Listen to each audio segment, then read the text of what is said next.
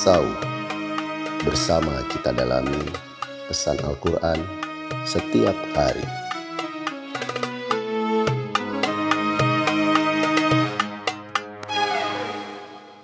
أعوذ بالله من الشيطان الرجيم بينهما برزخ لا يبغيان Bainahuma barzakhun la yabghiyan.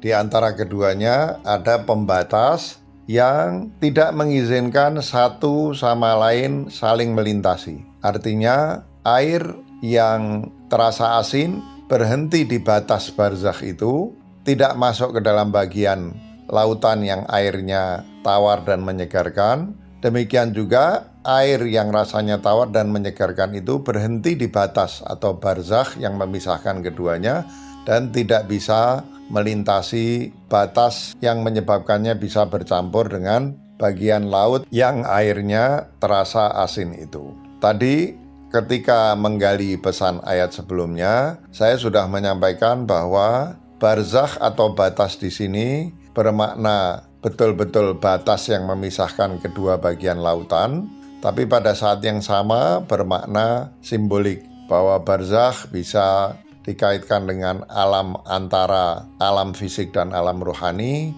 bisa juga terkait dengan alam khayal yang memisahkan alam fisik dan alam rohani ya. Dalam arti yang pertama dia bermakna alam kubur yaitu alam di mana manusia sudah meninggalkan dunia ini tapi belum memasuki alam akhirat. Sementara alam khayal adalah alam yang masih memiliki keterkaitan dengan pengalaman empiris di dalam kehidupan alam fisik, tapi pada saat yang sama sudah melewati batas-batas aspek konkret dari wujud yang ada di alam fisik. Jadi sudah melewati batas-batas tiga atau empat dimensi yang membatasi wujud-wujud fisik ya. Nah, barzakh ini juga disebut di dalam ayat lain di dalam surat lain oleh Allah Subhanahu wa taala sebagai batas yang tidak memungkinkan bagian-bagian yang dibatasi oleh barzakh ini untuk saling melampaui. Kita ingat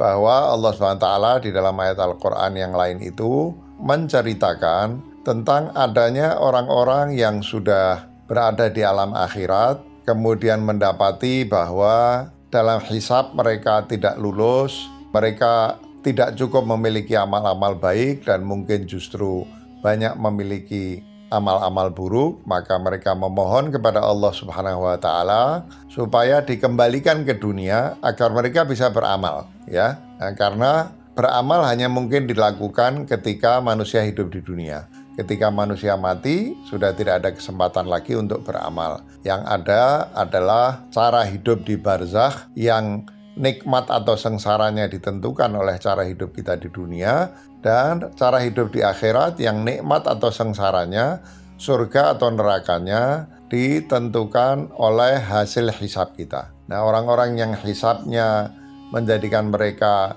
harus ditakdirkan untuk mengalami kesengsaraan di neraka, mereka memohon kepada Allah agar dikembalikan ke dunia supaya mereka bisa menambah amal-amal baik mereka dan bisa mengubah nasib mereka di dalam kehidupan akhirat. Tapi Allah mengatakan tidak bisa karena di belakangmu ada barzakh ya. Di belakangmu ada batas yang kamu nggak bisa melampauinya untuk kembali ke alam dunia. Barzakh ini sudah menjadikan kamu tidak lagi mampu kembali ke alam dunia. Maka dengan itu Allah juga ingin menyampaikan agar kita tidak menyia-nyiakan kesempatan atau waktu kita hidup di dunia ini dan mengisinya dengan amal-amal soleh sebanyak-banyaknya. Agar nantinya ketika kita berada di barzakh ya, apalagi setelah kita mengalami hisab di akhirat, kita tidak menyesal dan kita tidak dihadapkan pada satu keadaan di mana kita harus menjalani bagian dari kehidupan kita di alam akhirat yang penuh kesengsaraan, penuh siksa, penuh pelajaran dari Allah SWT. Di alam akhirat, karena tidak mungkin lagi orang menumpuk amal soleh, maka jika orang kurang amal solehnya dan lebih banyak amal buruknya, Allah terpaksa membersihkannya dengan menimpakan atas mereka kesengsaraan atau yang biasa disebut sebagai seksa ya. Dalam bahasa Arab disebut sebagai adab. Sebenarnya istilah adab ini memiliki arti tertentu yang tidak bisa dilepaskan dari rahmat atau kasih sayang Allah Subhanahu wa taala, tapi pembahasan tentang adab ini akan saya tunda sampai kita nanti mencapai ayat-ayat di dalam surat Ar-Rahman ini yang memang membahas uh, persoalan adab dan kehidupan di neraka.